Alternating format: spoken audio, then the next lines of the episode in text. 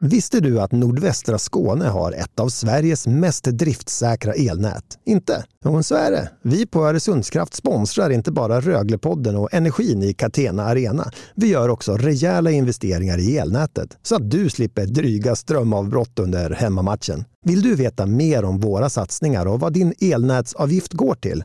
Kolla in oresundskraft.se svarar.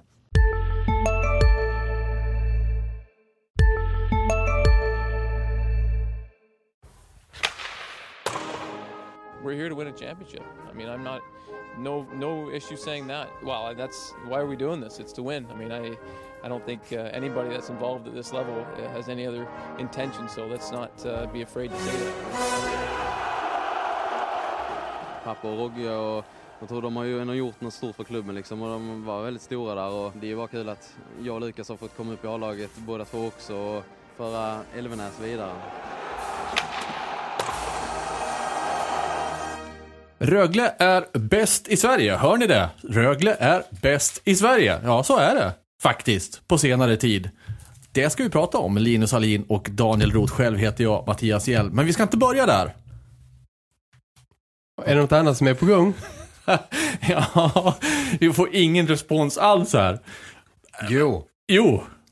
Eh, Erik Martinsson. Ja. Vi börjar med Erik Martinsson, för det är så hett precis nu. Mm, det är det ju. Um, Dennis Everberg gjorde ju samma sak um, för en tid sedan här och, och lämnade Nordamerika efter att ha blivit nedskickad i AHL. Uh, eh, han blev klar för SOG i schweiziska ligan.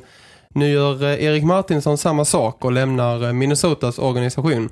Och han har inte någon ny klubb klar och flyger hem till Sverige under, under onsdagen här. och ska ehm, hitta någon ny, eh, ny adress och, och spela. Eh, superintressant såklart att han eh, nu finns på spelarmarknaden. Lite skräll ändå, eller? Mm. Att han flyttar eh, hem redan, det, trodde jag, det såg ju inte jag komma.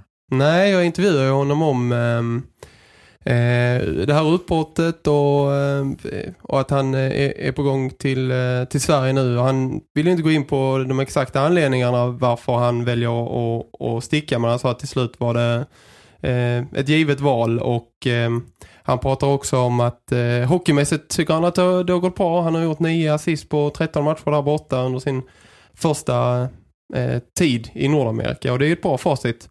Men eh, det som är intressant också är ju att eh, Erik Martinsson hade ju kunnat säga i den här intervjun att nej men nu jag blickar mot utlandet nu, nu i KHL eller Schweiz eller det är där jag vill eh, ta mina nästa skär så att säga. Men han är ganska tydlig med att han eh, överväger SHL-spel eh, och ta eh, en halv säsong i Sverige och, och visa upp sig på nytt så att säga. Och det är ju också jätteintressant såklart för det är många lag som eh, jagar nyförvärv och dyker en spelare med den kalibern upp på marknaden så kommer det ju att bli eh, huggsexa om honom såklart. Med den kapaciteten, den meritlistan, två SM-guld i Växjö blir liksom alltid, spelar alltid som bäst framåt vårkanten också när det gäller som mest. Mm. Så att eh, det blir mycket intressant att följa de närmsta veckorna var Erik Martinsson hamnar. Jätteduktig powerplayback, en omvittnat eh, god kille. Eh, det, det kommer inte att tvekas. Han sitter i ett eh, gott förhandlingsläge, Martinsson. Och har då eh, rötterna i Fastarp heter det väl utanför mellan Klippan och Ängelholm eller utanför Klippan. Eh. Mm. Precis, och han kommer ju att eh, landa hemma hos föräldrarna nu eh, ett tag och se vad som eh, dyker upp och se vilka alternativ han eh, kommer att få. Och jag gissar, nu ska ni få en inte allt för vild gissning, att Chris Abbott kommer att slå honom en signal eller till och med bjuda in honom till ett möte och prata, prata framtid. Kanske ja. redan har gjort. Jag uh, vet inte. Han kommer nog gå och hämta den stora börsen också. Mm.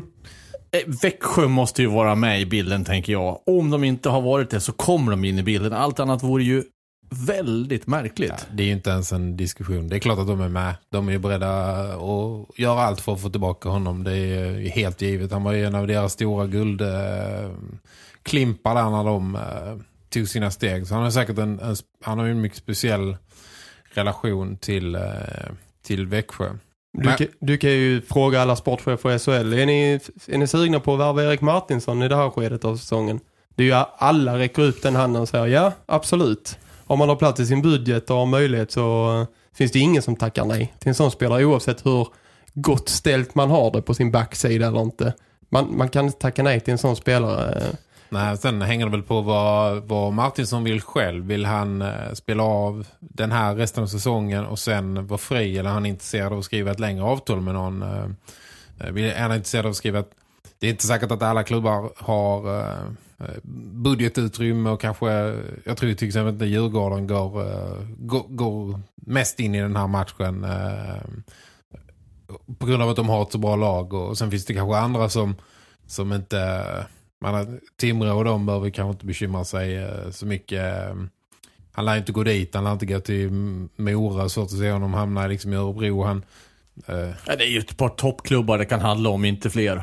nej, det är ett par toppklubbar. Och sen, eh, sen ur Rögles synvinkel så kunde väl liksom inte det här, eh, den, den skjutsen och den eh, håsen som finns här, den, den kunde ju inte varit bättre tajmad. Eh, den är ju fullständigt optimalt eh, tajmad. Det är klart att han, han är mycket han är mycket liksom eh, intresserad av Rögle och det är klart att han har full koll på vad som händer i den här klubben.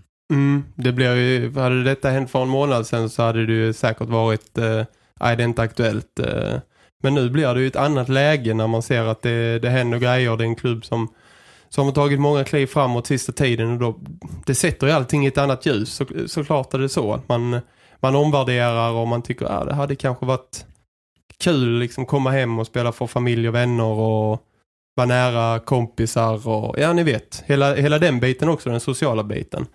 Det slog mig också slog mig faktiskt nu.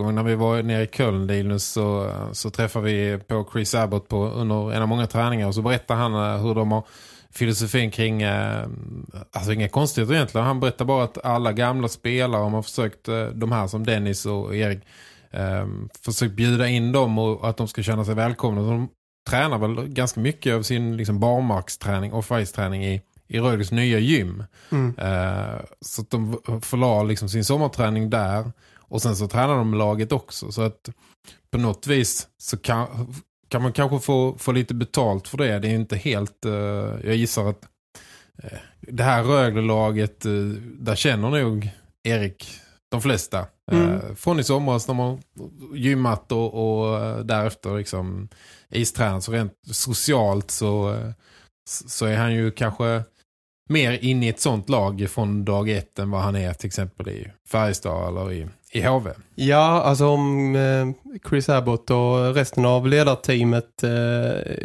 liksom resonerar, när kan vi ha nytta av en sån här grej och bjuda in eh, före detta spelare och träna med oss eh, precis just nu. Det är Exakt. nu man har nytta av det. Det är nu man kan få kanske några extra procent att väga över till ens fördel.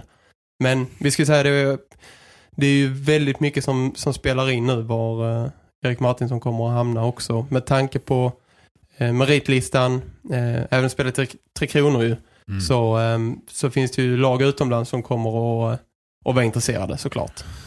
Ja, det är klart. Och det är eh, gr- grovt räknat kanske dubbelt så mycket pengar. eh, mm, eh, Jag har ingen insyn i hans eh, liksom, lönekuvert genom åren, men han har ju varit i Växjö eh, som, som inte är känd liksom, för att vara eh, den klubben som, som liksom, de bygger inte alla sina framgångar på att betala mest hela tiden. Liksom. Han är ju sin bästa ålder, ehm, eh, 26. Han har ju några liksom, fina kontrakt framför sig. Han har ju bäddat, bäddat fint för sig själv. Liksom. Så att um, eh, han, eh, ja, han har- kan inte skriva ett par fina kontrakt. Tror, Mm. tror ni att Rögle har eh, råd att vara med och konkurrera om Martinsson då?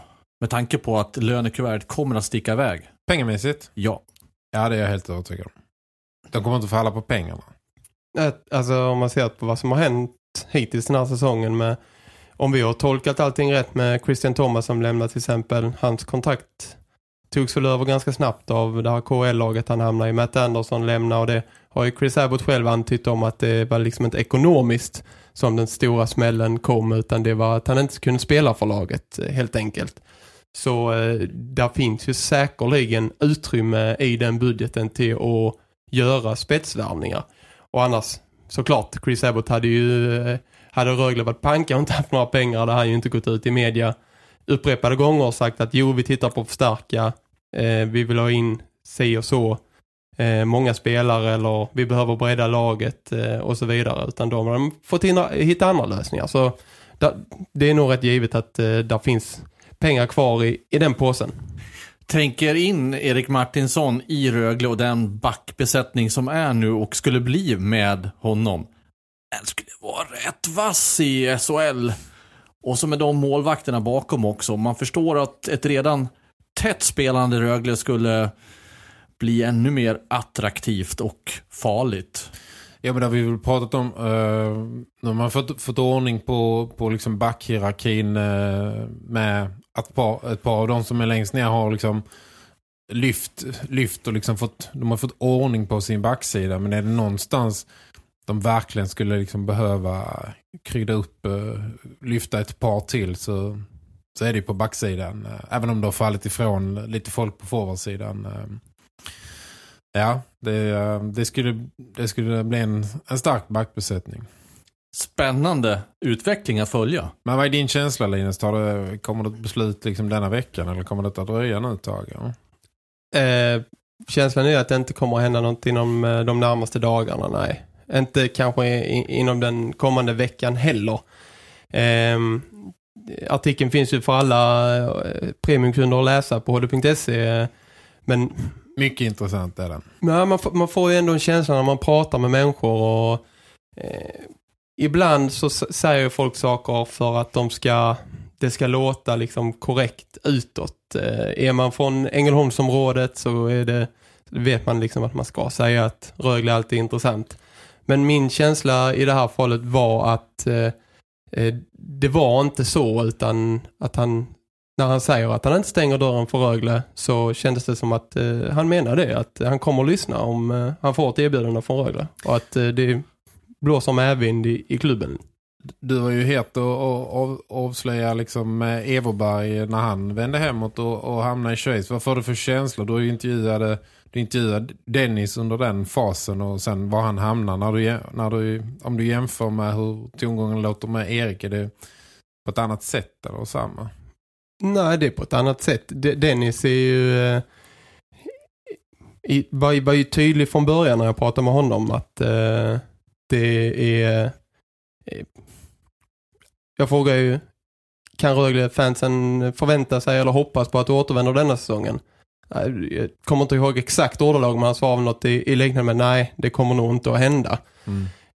Hade Erik Martinsson haft ett klart bud som ligger från en schweizisk eller KL-klubb eller ja men Frölunda var som helst som han säger, nej men nu blir det detta.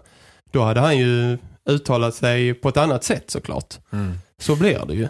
Så kan man väl slänga in en sån brasklapp också att det, förutsättningarna kan ju förändras väldigt snabbt. Eh, jag vet, du gjorde en intervju med Craig Shearer inför säsongen där han pratade om att eh, han ville jättegärna skriva ett långt avtal med Rögle.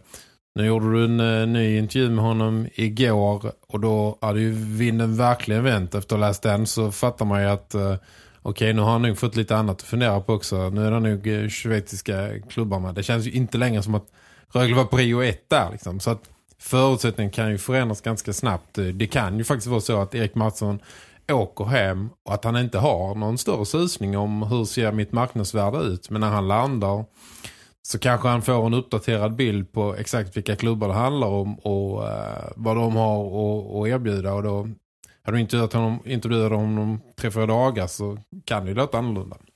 Definitivt.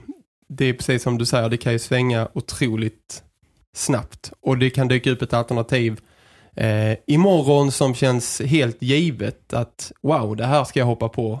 Det här hade jag inte räknat med. Och så, så blir det så helt enkelt. Det är någonting som man inte kan förutse på något sätt i, i den här branschen och det är det som gör det så himla spännande också.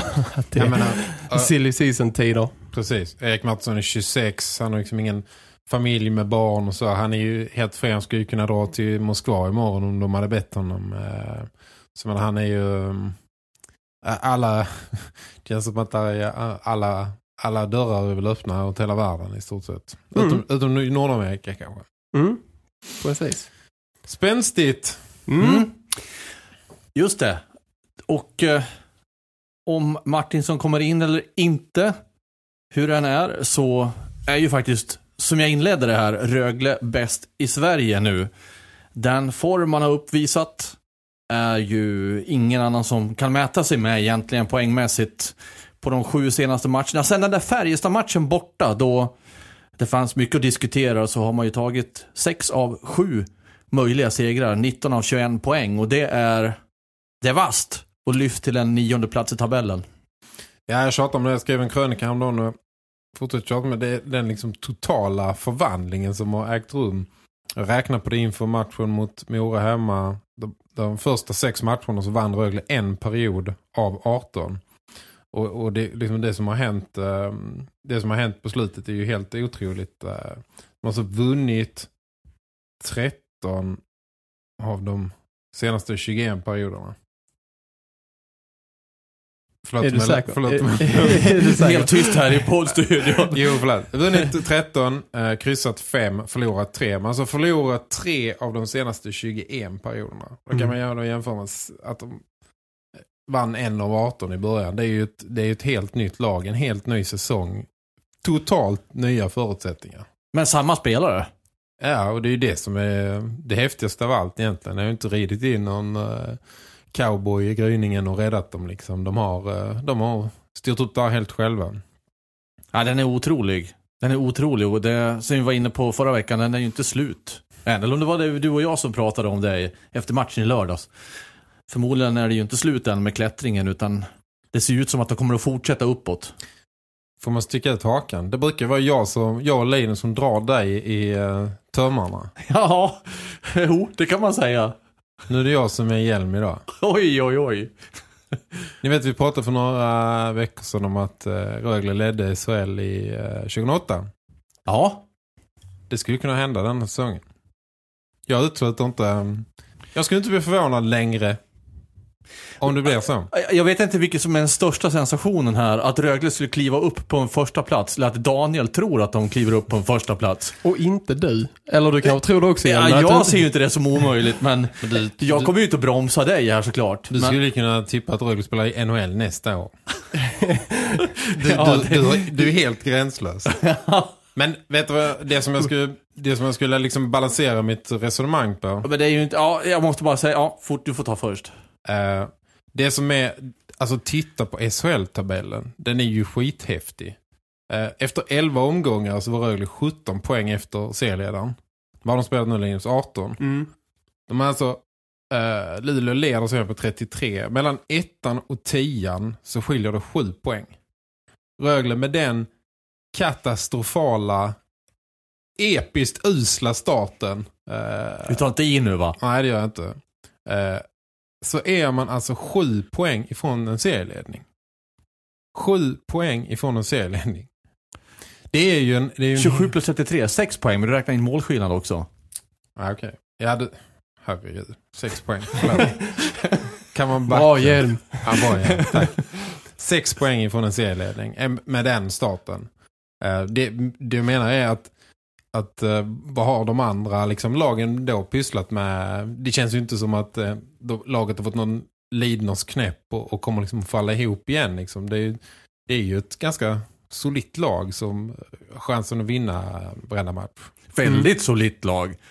Så jag menar, det solitt. känns, känns ju som att eh, vi befinner oss mitt i liksom en SHL där vilket lag i stort sett kan slå vilket lag. eh, Vilket innebär att insatsen, liksom kraven för att leda serien är ju, kan man säga, lite grann lägre i år. Eh, Mm. Det brukar ju alltid vara, det är mycket möjligt att, att nu i november, december att vissa lag kommer att samla ihop sig och sticka. Men kraven för att leda serien blir ju lägre när alla plockar poäng av alla och det är så otroligt tajt. Det här- menar, det kan ju vara, det kan ju vara eh, sex, här- sex Har du också valt att bli egen? Då är det viktigt att skaffa en bra företagsförsäkring. Hos oss är alla småföretag stora och inga frågor för små. Swedeas företagsförsäkring är anpassad för mindre företag och täcker även sånt som din hemförsäkring inte täcker. Gå in på swedea.se företag och jämför själv. Hej, Synoptik här. Hos oss får du hjälp med att ta hand om din ögonhälsa. Med vår synundersökning kan vi upptäcka både synförändringar och tecken på vanliga ögonsjukdomar. Boka tid på synoptik.se. Det är olika lag som leder serien. Vi, vi brukar ju stå här och, och prata om, inte stå men efteråt och fundera på vad vi ska dra på. Men nu är det ju givet alltså. Daniel Roth, Rögle kommer att leda serien. Den är, den är, äh, ja. Slipper vi fundera på det idag i alla fall. Men det, handl- Rögle och sex andra lag. men det handlar ju då om att kunna ta tillvara på det här flowet någonstans och maxa det så mycket det går. För det, alltså så här kommer det inte fortsätta en hel säsong såklart. Säg inte det. Men nu och bygga, bygga, bygga och när väl dippen kommer och kunna komma ur den så snabbt som möjligt och hitta tillbaka så man har en stabil grund att stå på. Och då hävdar jag ju såklart, eh, precis som jag tror att ni också tycker att det här laget behöver just bredd. Mm.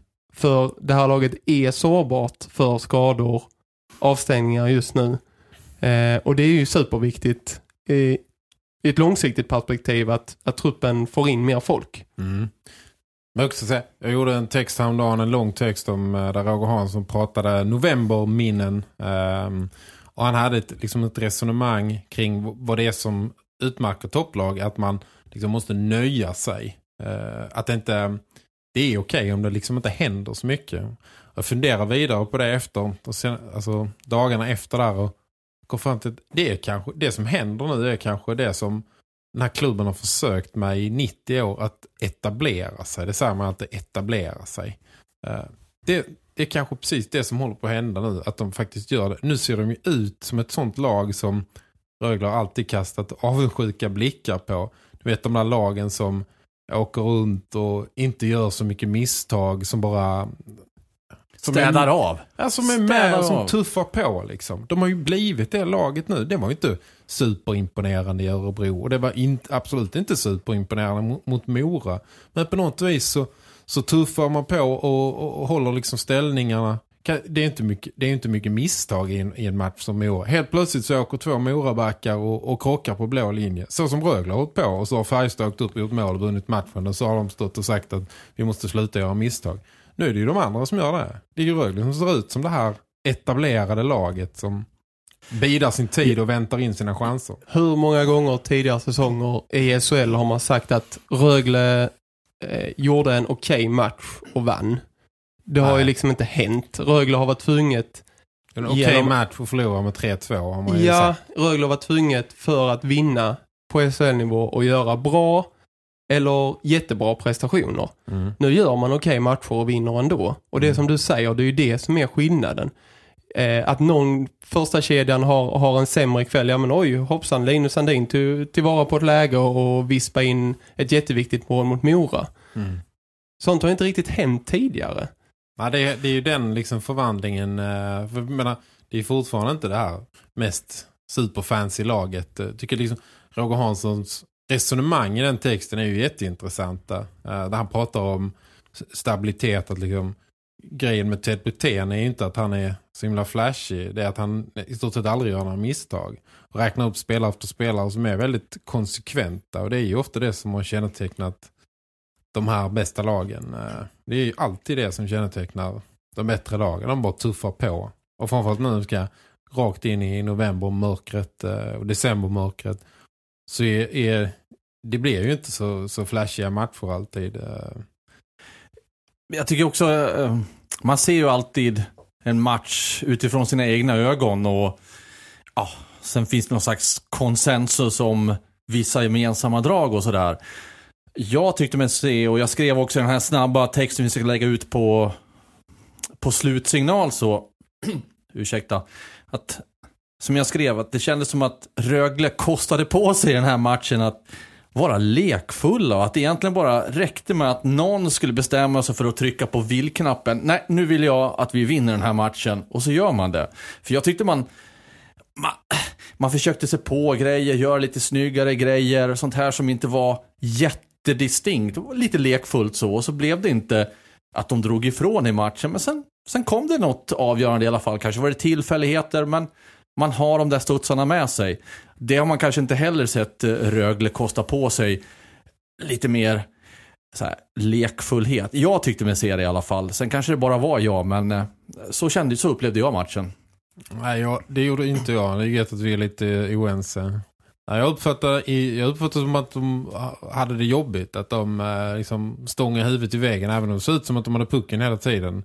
Så tyckte jag att de eh, verkligen Och du, stångade du har sig. säkert alla med det, men jag, jag upplevde inte matchen så. Jag, jag tyckte bara, jag satt bara och väntade på, ja men någon bestämmer sig för, nu ska vi vinna, och så gör de det. Jag tyckte inte att det, det liksom handlade om att de hade jobbigt, mer att de inte ville göra jobbet.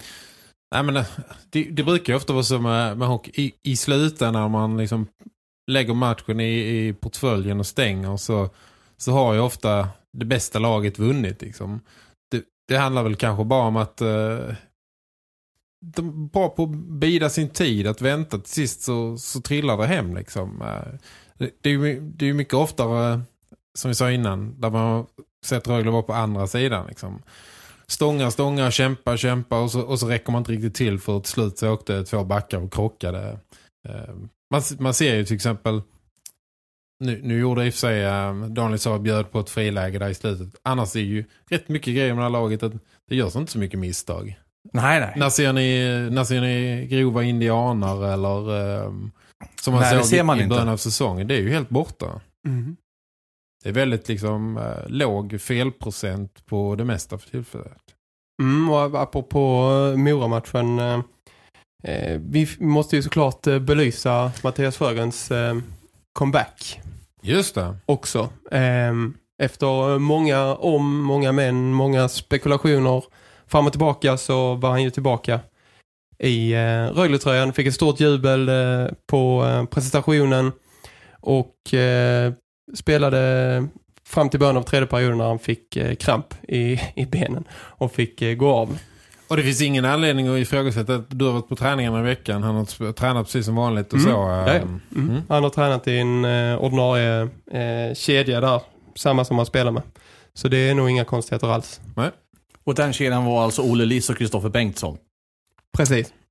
Mm. Och jag tyckte eh, det här med när man har varit borta så länge som han har eh, så tyckte jag ändå att han såg eh, ganska stabil ut faktiskt. Eh, sen eh, vet man ju att han har eh, två, tre, fyra nivåer till i sig såklart längre fram när han har fått komma in i där igen men det kunde ha sett betydligt kantigare ut än, än vad det gjorde.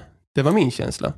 Jo, det håller jag med om. Jag tror också att det, med, med den liksom ganska raka och enkla spelstil som Sjögren har så, så inbillar jag mig att startsträckan ändå är lite kortare än för säg att Lukas Elvenas har varit borta ett år och skulle in och helt plötsligt bara leta långa pass i, i, i powerplay och hitta rätt med ett liksom väldigt kreativt spel så, så kanske man har fått räkna med en större startsträcka. Sjögren är ju väldigt eh, väldigt grundskolad eh, klassisk eh, center och, och väldigt fysiskt stark. Man såg han delade ut ett par liksom offensiva tacklingar bland han hade pucken. Ehm, alltså när han lite grann håller sig i sargen eller vad man ska säga och, och håller sig till, till det enkla så, så tror jag att han ganska snabbt kommer att hitta han kommer inte se ut som han gjorde han kommer inte vara på landslagsnivå direkt men jag tror ganska snabbt att han, kommer att växa ett par klasser ehm, och det blir ju såklart som ett nyförvärv för det här laget i detta skedet. Med tanke på att ingen har vetat när han skulle vara tillbaka. Och nu kommer han in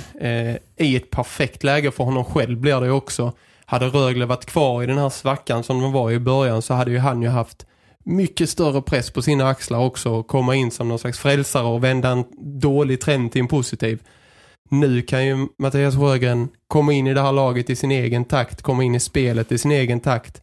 Och, eh, och ta det steg för steg istället för att komma in och dag ett måste han hjälpa till att vända något dåligt. Det tror jag också gynnar honom i det här läget. Ja men det var väldigt symptomatiskt. Han, han, han klev av där i början på tredje så stod det 1-1 liksom. Sen kunde han sitta och stretcha och dricka vatten och så gjorde kompisarna tre mål och vann med 4-1. Så men han, han kan ju faktiskt uh, smyga in i detta liksom. Uh, för det är den typen av lag just nu där men det, det, det står inte och faller längre med att uh, Sedbiten uh, kedjan ska in och göra ett par kassar för att um, det står på fler och stadigare ben än så. Mm. Och det blir intressant att följa nu också för nu väntar ju tre raka bortamatcher. Eh, för Rögle, Linköping, eh, Timrå. Och Frölunda eh, på rad. Och det blir ju också eh, på hemmais får ju Rögle såklart eh, mycket gratis med publik och eh, allt vad det nu är. Mm. Eh, på så eh, är det ju alltid tuffare. Ska vi se, jättespännande att se om man kan hålla det här vid- liv nu även när man eh, har en sån tuff, tuff vecka framför sig. Jag håller med. Bara sista spår på Sjögren. Hjelm, du, du var nere och snackade med honom efter matchen. Vad fick du för intryck av honom? Och jag vet inte om ni har sprungit på varandra mycket innan. Så då har jämförelsebanken full. Men vad fick du för intryck av honom? Och... att han ändå var ganska nöjd med sin insats. Någonstans. Eh, utifrån förutsättningarna. Han verkar framförallt väldigt glad över att, att ha fått spela. Och det är klart, efter en seger så kan man ju kosta på sig lite glimten i ögat också. Och uttrycka sig på sånt sätt som kanske inte skulle ha gjort om det hade varit en förlust. Ja, du kunde ju själv se att det kom två raka ben från powerplayet in i båset. Alltså den här kanske lite överdrivet också om, om krampen. Jag vet inte, men nej, jag vet inte. Jag tror att han var, han var både glad såklart och lättad och lättsnackad. Väldigt lättsnackad. Men det var nu mycket liksom som har ackumulerat i, i kroppen. Här, liksom. Det gått och väntat på när han ska kunna spela igen. Och så alla känslor komma hem och reaktioner. Och jag tror bara för, för honom att åka iväg och spela en bortamatch och vara en i gänget eh, kommer göra honom gott. Det var väldigt mycket känslor eh, och väldigt stor liksom, mental påfrestning kan jag tänka mig. Jag uppskattar också att han eh, någonstans, eh, just det här, hur tyckte du att det funkade med Olle Liss och Kristoffer Bengtsson och eh, så sa han ändå ordagrant att kemin inte var där. Alltså man, den här kemin det pratar man ju alltid om numera i sport och så och man kan uttrycka det på olika sätt. Men han förväntar sig att det kommer mer om de får fortsätta spela ihop, om det är de som kommer att spela ihop. Nu verkar det ju så, vad du redogör för Linus, att ändå någonstans Jag inte- ser det. inte bara, inte bara vifta bort det, utan bara säga som det var. Nej, kemin var inte riktigt där. Det var första gången vi spelade ihop i en match och då, och då var det inte riktigt där. Och det, sånt uppskattar alltid jag, när man inte försöker liksom, släta av någonting eller göra det mindre än vad det är. Eller, jag vet inte, vi svenskar är ju väldigt duktiga på att bara bli, bli gråa maskiner när vi ska uttrycka oss ibland. Men äh, jag, alla sådana här små, där man faktiskt säger vad man känner, eh, uppskattar jag i alla fall. Ser du hur det ryker bröstet på unge herr Alin? Nej, vad har han gjort nu? Han, är, han håller på att explodera av allt han har med sig på sitt block från uh, Linda Arena idag. Korrespondenten, ge oss senaste nytt. Ja, det är precis som du säger Hjelm. Eh, Sjögren eh, har tränat med Kristoffer Bengtsson och Olle Liss. Eh, och sen så är det, mm, det är samma forwards eh, uppställning som senast. Eh, det man kan säga då är att Erik Andersson inte tränar. Ben Jouts backen tränar inte. Han är skadad. Eh, Cody Curran eh, tränar inte heller. Som ju är så formstark och så viktig just nu för Rögle. Han... Eh, eh jag pratade med tränare Cam Abbott efter passet och han var väldigt förtegen om vad det, varför han inte var med. Varken Cody Curran eller Erik Andersson. Men eh, om jag har förstått det hela rätt så eh, är det lite sjukdomar i truppen. Och då brukar det ju vara så här års. Så att eh, både Cody Curran och Erik Andersson osäkra inför Linköpingsmatchen. Mm. Det betyder ju också då att ehm, om Curran inte kommer till spel så kommer det ju att bli eh, Craig Shearer och Jesper Williamson istället.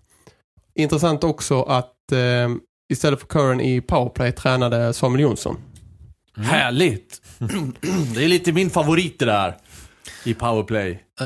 Man kan väl också säga att Sjögrens inträde, även om de är lite kort på, på forwardsidan så um, känns som att de kanske kan börja få den struktur på, på kedjorna så som de vill ha. Det känns som att man har fått, fått kunnat liksom uh, säga tydligare liksom, uh, dela arbetsuppgifter ännu tydligare. Liksom, att ha en, en fjärde kedja kanske med Ryfors och, och Viding och någon till. Uh, som är väldigt, Sandin. Sandin som är väldigt liksom åkstarka och, och ehm, tuffa att möta liksom. Eh, I början har man lite grann fått lappa laga för att få ihop att nu kunde man flytta ut Sandin på en kant som det kanske var tänkt hela tiden. Mm. Man får valalternativ, liksom alternativen ökar nu när, när Sjögren kliver in. Så är det ju och man ska också säga att det var ju inte någon mjukstart i, i första matchen för Sjögren. Han spelar väl både boxplay och powerplay Mm. och 5 mot 5. Ehm, och han tränar nu i powerplay dessutom igen. Så ehm, man eh, vill ha eh, igång honom så snabbt som möjligt. Och, och eh, det, det är väl lika bra tänker jag. När man kommer tillbaka att man ska få man får orka så länge man orkar. Och sen så eh, får man vänja sig vid, vid tempo och belastning så snabbt som möjligt. Ja. Helt riktigt. Ja, visst. Nu då? Nu då? Linus har ju betat av den sista punkten på Nej. listan. Jag har ju en punkt som jag glömde. Som inte står med där. Exakt. Får man kupa in ett, ett nytt segment i podden? Gör du det? Jag tror att det är ett segment som inte jag kan tillföra så mycket i. Nej, jo, har du bara en dator så kan du googla lika bra som jag. Ja, jo. Fast jag kanske inte har upplevt Eh, det hela på plats. Nya segmentet på 6 sekunder. som, Varsågod. som jag inte har döpt den, men kallar det till Rögle-spelare vi glömt eller minns. Old Heroes. Ja. Jag fick ett mail, eh, trillade in lite mail då och då. Eh, och en som, som eh, sa det, "Kan- inte eh, plocka upp någon spelare och berätta vad, vad han tagit vägen. Eh, så idag handlar det om Jere Myllenniemi. Eh, Vad fick dig att välja just Jerry? jag tror att uh, den mejlaren som vi håller anonym eh, tipsade om eh, honom och några till. eh, så jag tände lite på det och, och uh, googlade. Han var ju eh, målvakt, spelade Rögle 2005-2006 och sen kom tillbaka säsongen 2008-2009. Därefter höll han till mest i Finland. Eh, Saipa, Pelicans, HPK, Ilves. Eh, sist, senaste säsongen han spelade var faktiskt förra säsongen då han höll till i Kettere. Ket- Kettere. I Mestis som är andra ligan i Finland. Och nu eh, är han målvaktstränare i KV. Dubbla O, dubbla E. Också i Mestis. KV. Lät Ja. nästan som HV-låten. Men jag, jag vill ju bara få in någon fråga på det här också. Okej. Jag gör en skavlan och slänger pappret nu. Hur, hur var han som spelare under sin Rögle-tid? Han var bara här två säsonger men blev ändå någon slags eh, symbol för mycket. Mycket mer ihågkommen än vad många andra spelare som har varit här i två säsonger är. eh, Får man säga va? Mm, jag håller med dig om. Han blev en publikfavorit skulle jag vilja säga. En profil eh, på många sätt. eh. Uppskattad, en sån som säkerligen många av er där ute då vill ha info om, som ni har fått nu. Ja, jag vet inte. Vi får hålla koll på Twitter och i mailkorgarna. Ska segmentet stanna eller ska det bort? Ja, och tipsa om någon som ni vill veta. Och då får ni inte googla för då får ni lämna till mig. Ska vi, ska vi ge Daniel den här stående punkten varje vecka? Mm, Jag tar den. Jag tar den. kul. Bra att du tar den pucken. Härligt! Ska vi stretcha och eh, gå och göra någonting annat? Ja, det gör vi va? Och kommer tillbaka nästa vecka, som vanligt. Då har vi många matcher att, att prata om. Just det, och många fler framför oss. Ja, det med. Det med. Men när vi kommer tillbaka om en vecka, då säger Daniel Rote, Roten att eh, Rögle leder serien. Jag kanske behöver lite mer tid på mig, men... Det var ju härligt. Jen fick avsluta med att dra det lite för långt. Det känns allt som vanligt igen. Precis Ja, så ska ja, det vara. ja, men jag tyckte jag hörde dig säga det. Vi säger så. Vi Ja. säger så. Vi säger så. Hej. Hej. Hej.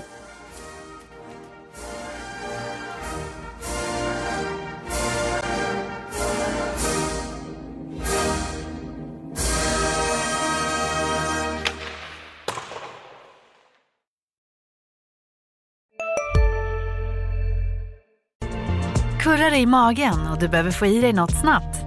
Då har vi en Donken deal för dig. En chicken burger med McFeast-sås och krispig sallad för bara 15 spänn. Varmt välkommen till McDonalds.